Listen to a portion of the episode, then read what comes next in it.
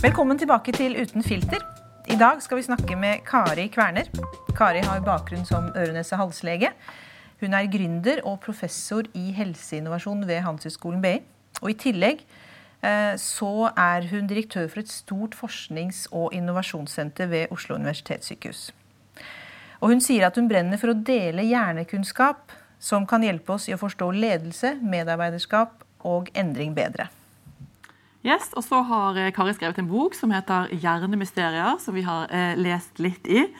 Og Der skriver hun eh, at kunnskap om hjernen kan gi bedre ledelse. Og Så lanserer hun et begrep som var helt nytt for meg, nemlig nevroledelse. Så det er jeg veldig spent på å lære eh, hva er for noe. Og så, ikke minst, så er jeg veldig nysgjerrig på hva vi selv eh, kan gjøre for at hjernen vår skal eh, fungere optimalt.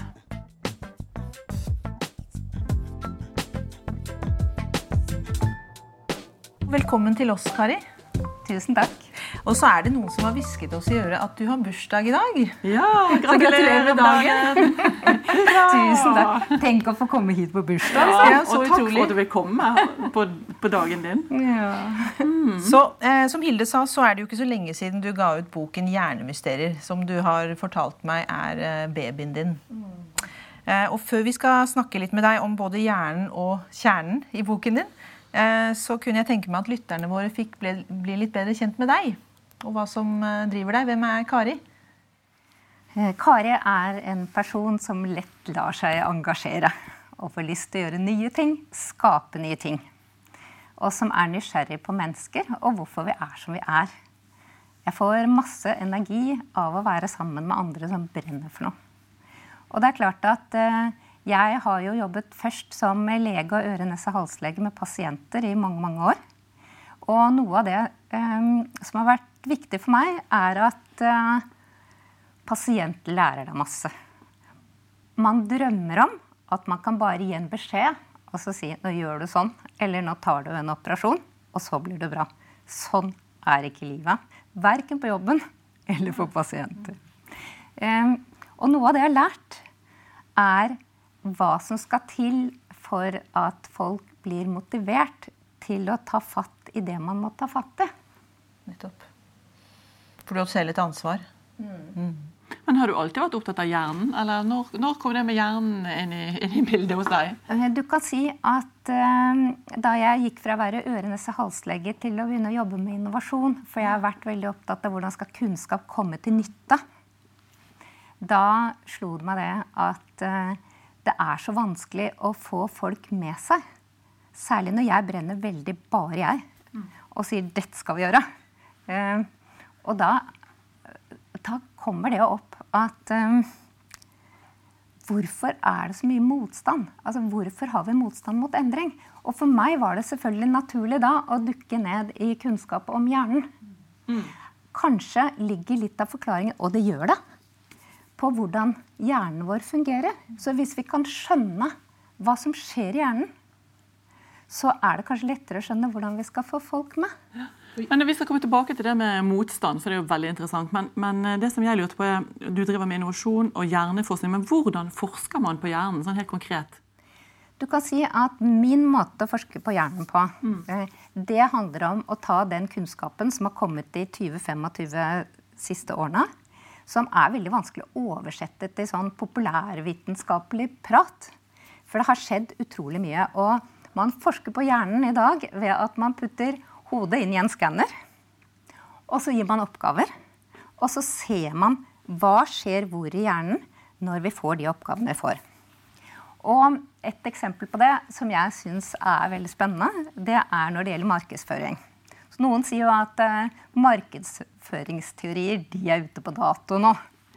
Fordi man tok bl.a. en sånn brille med en sånn liten eh, skanner på. Og så ba man folk gjøre valg om hva de ville kjøpe og hva de ville ha. Og da var det sånn at folk valgte før de visste det selv. Så når vi sier sånn ja, vi gjør dette, så kjøper folk det du vil, så er det ikke det som skjer. Vi har allerede valgt. Vi, vi velger intuitivt og ubevisst. Jeg syns det er et kjempegodt eksempel. Men det skjønner jeg ikke. Hvordan, hvor, hva er det som skjer da igjen? Hvordan, hvordan, klarer vi å bestemme oss før vi altså, Hva er den intuisjonen? Det å Nei, velge intuitivt? Ja, underbevisstheten vår ja. velger antagelig for oss. Ja. Og langt, altså, det aller meste som skjer, det skjer i underbevisstheten. Vi tror at vi tenker rasjonelt. Uh, men vi tenker ikke så mye rasjonelt som vi tror. Og hva er det som påvirker, eller har påvirket underbevisstheten vår? det er egentlig alt vi opplever. Det er alt vi sanser, det er alt vi føler. Det er alt vi tenker, både uten at vi er det bevisst, og det vi er bevisst. Og da jeg har egentlig lyst til å si at um, hvis vi tenker på hjernen vår, det er liksom én ting som jeg syns er klokt. Um, og det er at hjernen vår den er tredelt.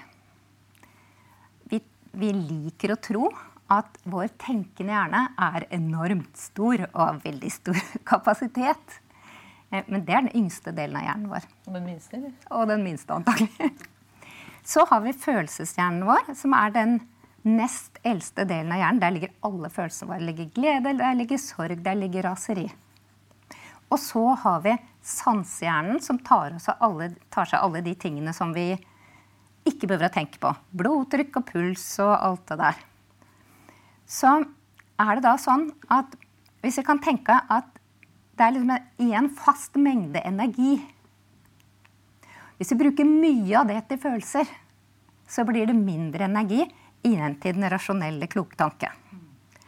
Og jeg, jeg, liker å tenke at jeg tenker rasjonelt hele tiden, og det, det forteller jo mine ansatte meg. Det gjør jeg overhodet ikke. Men eh, når jeg er sånn på slutten av sommerferien, da syns jeg liksom Da er jeg skikkelig på høyden.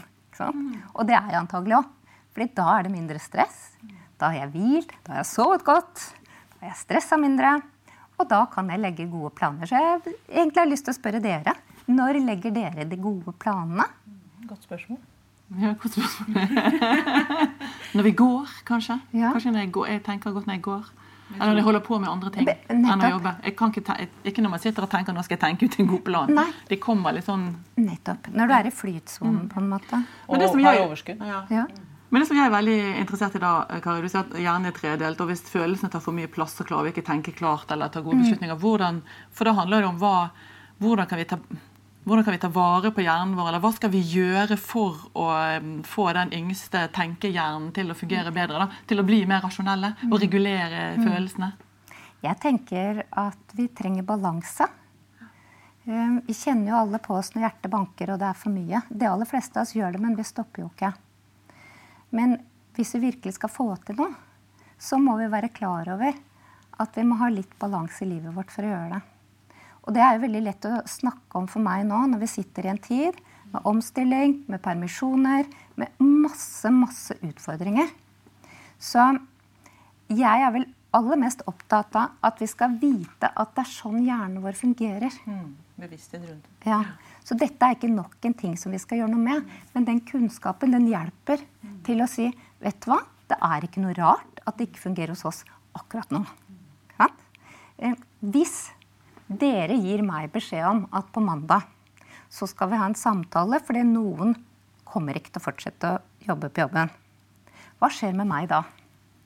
Dere kan ikke vente at jeg møter uthvilt, at det blir en god dialog med meg, for jeg kommer til å bli kjempestressa. Og da må deres planlegging må ta hensyn til hvem jeg er der og da. Og som, på den annen side så er det også sånn at dette påvirker jo den rollen dere har. Og det å være leder og skulle fortelle om endringer og stå i endringer, det er også krevende. Så man, man rigger for en situasjon som krever tid å håndtere. Og noe av det som jeg er veldig opptatt av, det er at følelser det er ikke noe du kan liksom ta opp på mandagen og så si Hør her, jeg skjønner at dette er vanskelig, dette må vi gjennom, nå kjører vi. Følelser, det vil komme igjen hele tiden. Sånn at, og det er vel noe av det nye, tenker jeg. Det er at vi må liksom ivareta at det er reaksjoner underveis.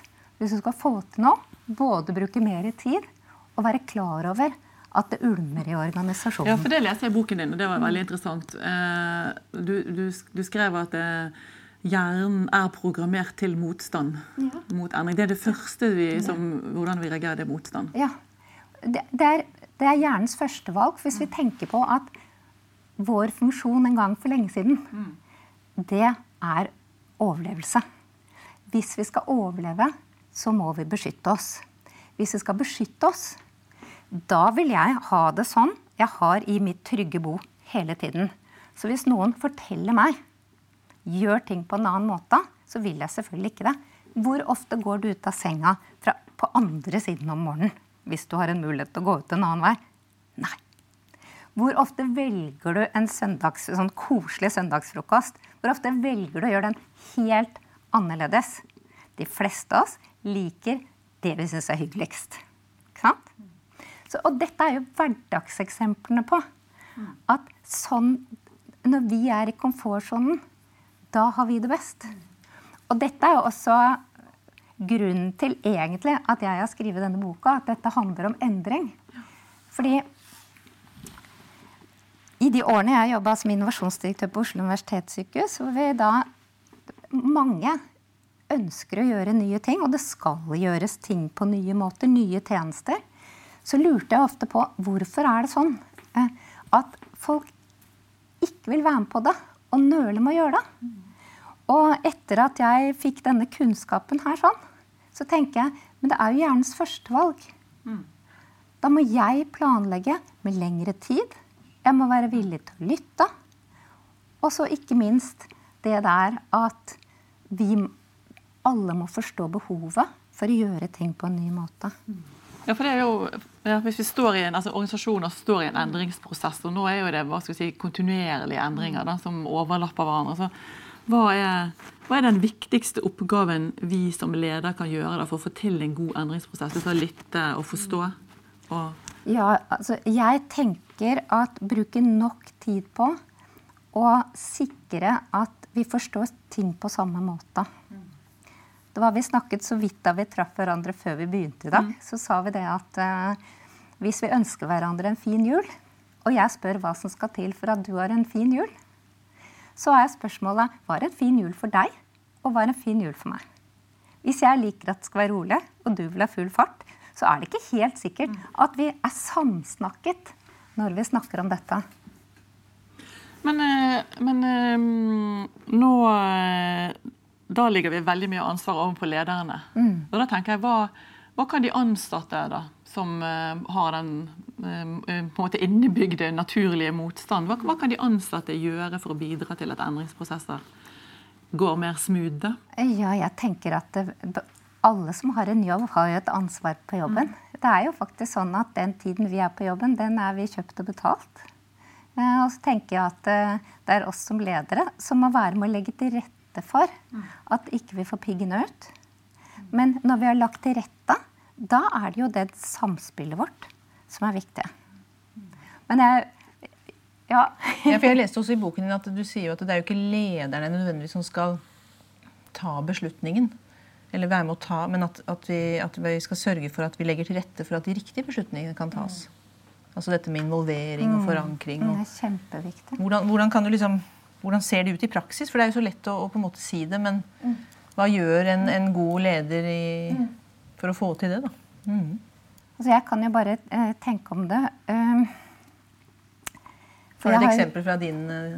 Jeg prøver å tenke ja, Vi jobber jo med å ta i bruk nye ting, gjøre helt nye ting. Når vi skal gjøre det, så har vi uh, begynt Og dette, er, dette er liksom, sier litteraturen at man skal gjøre, så er det vi forsker på. Hvordan skal vi vite at ting nytter? At vi gjør de riktige tingene.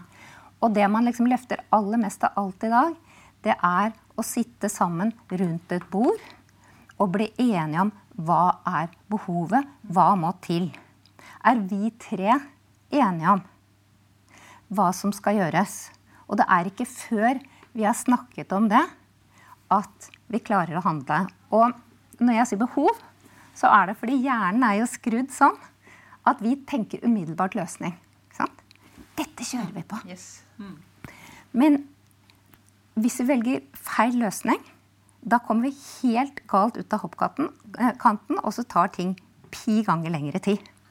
Men hvis vi sier som så dette behovet det skal vi liksom eh, snakke om og jobbe med så lenge at hver og en av oss oppfatter det som det samme. Og vi er enige om hva er målet vårt. For Hvis vi ikke enes om hvor vi skal, så vil vi heller ikke enes om hvilke steg i trappa vi skal ta. Og, og da har jeg lyst til å snakke litt mer om hjernen. Ja. Gjerne det. Ja. gjerne det. Fordi hvis vi skal få til endring, hvis vi skal få til varig endring, så handler jo det om at vi skal automatisere atferd. Å automatisere det handler om at det er underbevisstheten som skal gjøre det av seg sjøl, så vi slipper å bruke tankekraft til det. Så hvor mange ganger må vi sant, eh, gjøre det da, for at det skal bli en Nettopp. ny vane? Nettopp. Som bare da, går automatisk? Og da er mitt spørsmål um, er det noen av dere som ikke tenk, i hvert fall tenker at dere burde pusse tenna før dere legger dere om kvelden? Nei. Nei. Og hvorfor er det sånn? Det er automatisert. Ja, fordi noen sa Mm. Har du Pusset tennene. Har du Hvis du ikke gjør det, så Nei. Og det er, det er gjort så mange ganger at vi ikke lenger tenker oss om. Dere setter dere bak og skal, rattet og skal kjøre bil, så er det ingen som tenker sånn Hvordan skrur jeg på her? Eller det å sykle. Eller det å sykle. Ja. Eller å kjøre i en helt feil retning, der man vanligvis pleier å kjøre. Og ikke der man skal. Det har jeg gjort flere ganger. Samme veien. Og det handler jo igjennom ikke sant? at du har gjort ting så mange ganger. Og det vi vet i dag om å endre vaner, det er at da må vi velge en liten ting av gangen. Ikke det store målet som de aller fleste av oss liksom leser opp for oss selv. Etter sommerferien da skal jeg jobbe på en helt annen måte med disse fire menneskene og disse prosjektene. Det går ikke. Velge én liten ting. Det tar åtte uker å endre en liten vane. Hvis dere ønsker å lese avisen bakfra, eller dere ønsker å sjekke alt på telefonen deres med den andre hånda, så tar det åtte uker før det går av seg selv. Og hvis man tenker da det er dette som er omstilling på jobben. Um, og en av mine ansatte, hun, hun sier 'Kari, du må fortelle om hva du gjør på jobben'. Fordi når du da har tenkt deg om at du vil at liksom, ledergruppa skal jobbe annerledes, og du har lagt store planer for det, og du kommer inn i ledergruppa og sier heretter er det sånn vi skal kjøre ledermøtene, så må ikke du forvente at neste uke får vi det til. Du har tenkt på det, og du får det til. Men åtte uker før du skal begynne å forvente, og før du skal bli innmari skuffa over folk. Det er en liten læring. Ja, det er en veldig, og jeg ser det også, eh, jeg har jo flyttet mine og dine sammen nå, og vi hadde litt forskjellige rutiner. Eh, Og det har tatt faktisk eh, noen uker for barna å, å lære seg nye rutiner, men nå, nå ser jeg jo at etter noen måneder så går jo dette av seg selv. Og det er jo nettopp det det handler om. Det er akkurat dette. Og jeg, for jeg tenker at det, det er både hverdagen vår og det er jobben vår. Ikke sant? Det er den vi er. Og det å skjønne de der få tingene om hvordan hjernen fungerer, det er kjempeviktig. Men hvorfor er det um, Hvorfor er det Hvorfor er endring så lett for noen og så vanskelig for andre? For det er jo noen opplever jeg som liker endring. Mens eh, de fleste har denne motstanden innebygget. Hva er, hvorfor er folk så forskjellige, eller hva er det som gjør at folk er, reagerer ulikt på endring? Jeg tenker jo at det er flere ting. Det ene, vi har litt forskjellig personlighet. Men, men vi kommer jo også fra forskjellig ståsted. Vi har ulikt eh, både oppvekst og tilknytning til andre mennesker og arbeidsliv og utdannelse bak oss. Så vi er jo litt der igjen at antagelig så hvis vi ble samsnakket før vi skulle gjøre noe, så kan det hende at alle tre ble like ivrige på det vi skulle forandre. Men hvis jeg kom og sa sånn Du, nå kjører vi! Så er det ikke helt sikkert at dere ville blitt så endringsvillige. Det var et godt eksempel. det å få med seg folk. Ja. Men, men, ehm, men det med åtte uker å endre en liten vane men eh, Kan man også trene seg på å Nei, nå jeg vet, helt jeg vet egentlig ikke helt hva jeg vil spørre om, men kan man liksom trene, Trene seg? Kan man trene hjernen til å lære nye ting? Ja, og det- Hvordan trener man hjernen til å lære nye ting? Det var det jeg ville spørre om. Veldig glad for at du spør om det, faktisk. Fordi jeg, jeg tenker kanskje det, liksom det største nye er at vi vet i dag at vi kan gå opp nye spor i hjernen. Og gå opp nye permanente spor i hjernen. For da jeg, var, eh, jeg gikk på medisinstudiet, så lærte jeg at hvis man fikk hjerneslag, så var det bare tre dager og kanskje en uke at man kunne se noe forbedring. I dag vet vi jo at den endringen kan skje hele tiden. Og det betyr at vi kan alle tre lære å stå på hodet hver morgen om vi ønsker det. Men vi må jobbe for å gjøre det. Og der, for meg bruker jeg egentlig et bilde på det. Jeg tenker, eh, hvis vi tenker på et, et menneske Så det at vi kan endre, det er hodet vårt. Men å få endring til, som du egentlig spør om Det ene handler om å kunne tenke på riktig måte. Man må trene tanken til å gå opp nye spor. Og det andre er at man må bruke viljestyrke til å la dette gå over tid. Så det er på en måte kunnskapen som sitter i hodet og begge armene. Mm. Men så er det jo da sånn at ingenting blir virkelighet hvis ikke det får bein å gå på. Og hva skal til for å få beina til å gå? Fordi teori, ikke sant? Man kan lese bok på bok, og det er helt uinteressant hvis vi vil gjøre ting annerledes. Men det er små skritt? Det er små skritt. Eller er egentlig to ting. Jeg tenker at I det ene beinet så handler det om å skreddersy målet for meg eller deg. Det skal noe annet til for at jeg skal like å gå rundt juletreet på julaften, enn for at du skal like det. Mm. Og da må jeg hjelpe deg å finne ut av hva skal til for at du får kjempelyst på å starte med det klokka ni om morgenen. Så det er skreddersy planer, og det er kanskje noe av det vanskeligste vi gjør på jobben. Å skjønne hva motiverer den enkelte. Og så er det det andre beinet. Det handler om å ut og gå.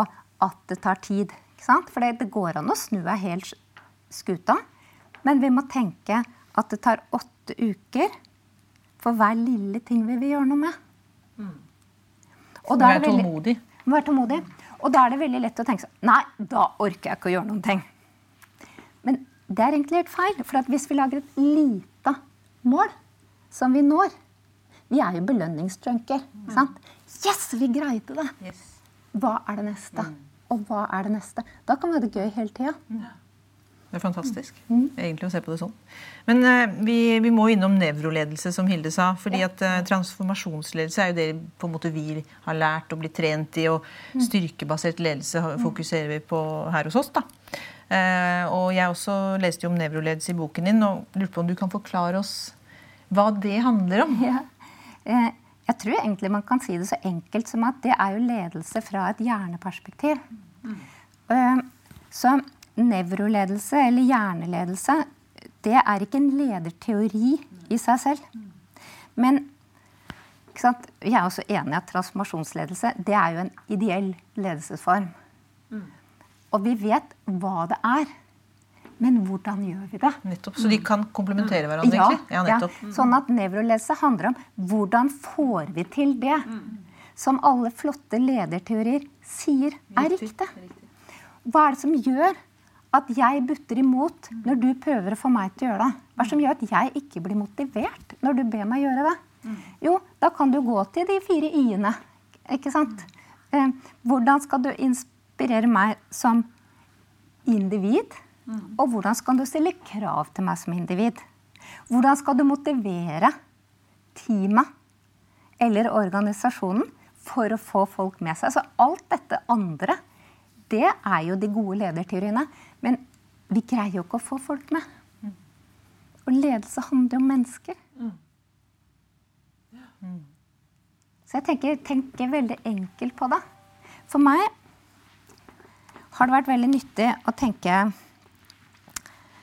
ja, jeg har hatt glede av å lære pluss og minus og gange og dele øh, da jeg vokste opp. For det gjør jo at jeg faktisk kan greie meg økonomisk i livet. Sant?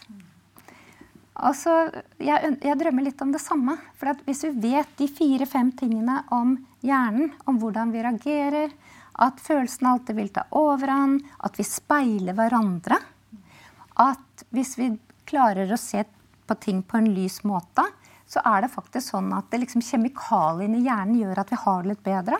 Hvis vi lærer de tingene, så tenker jeg for meg er det like viktig som matte. Mm. faktisk. Det, ja. Og det er, det, det er vel det som er den største forskjellen på EQ og IQ. Evnen, altså relasjonskompetanse. da. Ja, ja. Evnen til å sette seg inn i, i andre mennesker og forstå. Mm, og tilpasse da behovene. Mm. Det er utrolig spennende. Jeg kunne snakket mye mer om akkurat bare det. Ehm, men vi, vi nærmer oss slutten. Men, men vi har vært innom veldig mye spennende, Kari. Eh, og ehm, jeg har jo lest i boken din også at valgene vi gjør, de styres jo mye av hjernen. Og de ulike hjernedelene som du har vært inne på. Følelsene, blant annet. Eh, Men om hjernens fotavtrykk var synlig for, for oss, da, så ville eh, vi se at et mønster som hadde gjort det enkelt å ta smarte valg. Og da lurer vi litt på om utviklingen eh, går jo veldig fort. Vil vi noen gang eh, snart eh, kunne se disse fotavtrykkene? Ja, Det ville jo vært helt genialt hvis vi kunne Ja. det, for da hadde Ja. vi tatt bedre beslutninger. da. ja, er du sikker på det? Det, det, det, det står jo det i boken ja, din. ja, ja, ja. Men vi hadde ikke tatt bedre beslutninger før vi var motivert til det. Nei. Og hvis det å se det ville motivert og det ville det antagelig ikke sant? Hvis det ble som å klippe håret. ikke sant? Det er sånn, Hvis du så sånn OK. Men du, jeg ser at hun overhodet ikke har brukt de der sporene som går på å ta vare på folk. Ja, ikke sant? Sånn, jeg er nødt til å gjøre noe her. Det er en god motivasjon. Det er jo kjempe. Um, så det, det, det betyr også det at datamaskiner, f.eks. En ting de ikke kan ta fra oss mennesker, er jo evne til å skape relasjoner med andre. Ja. Ja, Den delen av hjernen. ja. Den, Ja, tenker- eller hva tenker du? Jo, det, eh, jo, jeg tenker det. Og jeg tenker at det som jeg har snakket noe om, er disse speilnevronene. At vi speiler hverandre. Det er jo faktisk sånn at vi har nerveceller som gjør at eh, jeg leser på munnen deres, jeg leser øynene deres. Jeg, le, jeg leser hva som skjer i rommet, og det påvirker meg. Kanskje det som vi kaller for nonverbal kommunikasjon, egentlig. Eh, og det å være klar over det, det å være klar over det i den digitale tiden, hva det gjør med oss å sitte med svarte skjermer og snakke med folk, eller å sitte med folk på digital, digital flate. Som ikke nødvendigvis mm, på en måte ikke- uttrykker noe? Yes, og hvor vi ikke leser, vi leser ikke hverandre på samme måte, for vi er vant til å lese hverandre i rom og med hverandre. Og hvordan det preger oss, det preger oss veldig. Så um, jeg brenner jo veldig for det at vi må være klar over at vi virker på hverandre også når vi tror at vi ikke gjør det. Og jeg pleier å si at når jeg har sånne dårlige dager og har møter med folk, så hender det at jeg sier at vet du hva, at eh, jeg er ikke helt på topp i dag. Eh, Fordi da leser ikke folk meg nødvendigvis feil. For vi har jo disse tankefeilene våre. Hvor jeg kan sitte her sammen med dere og så kan jeg tenke sånn Du, nå løftet de på øyenbrynene. Det er helt sikkert noe galt som har skjedd.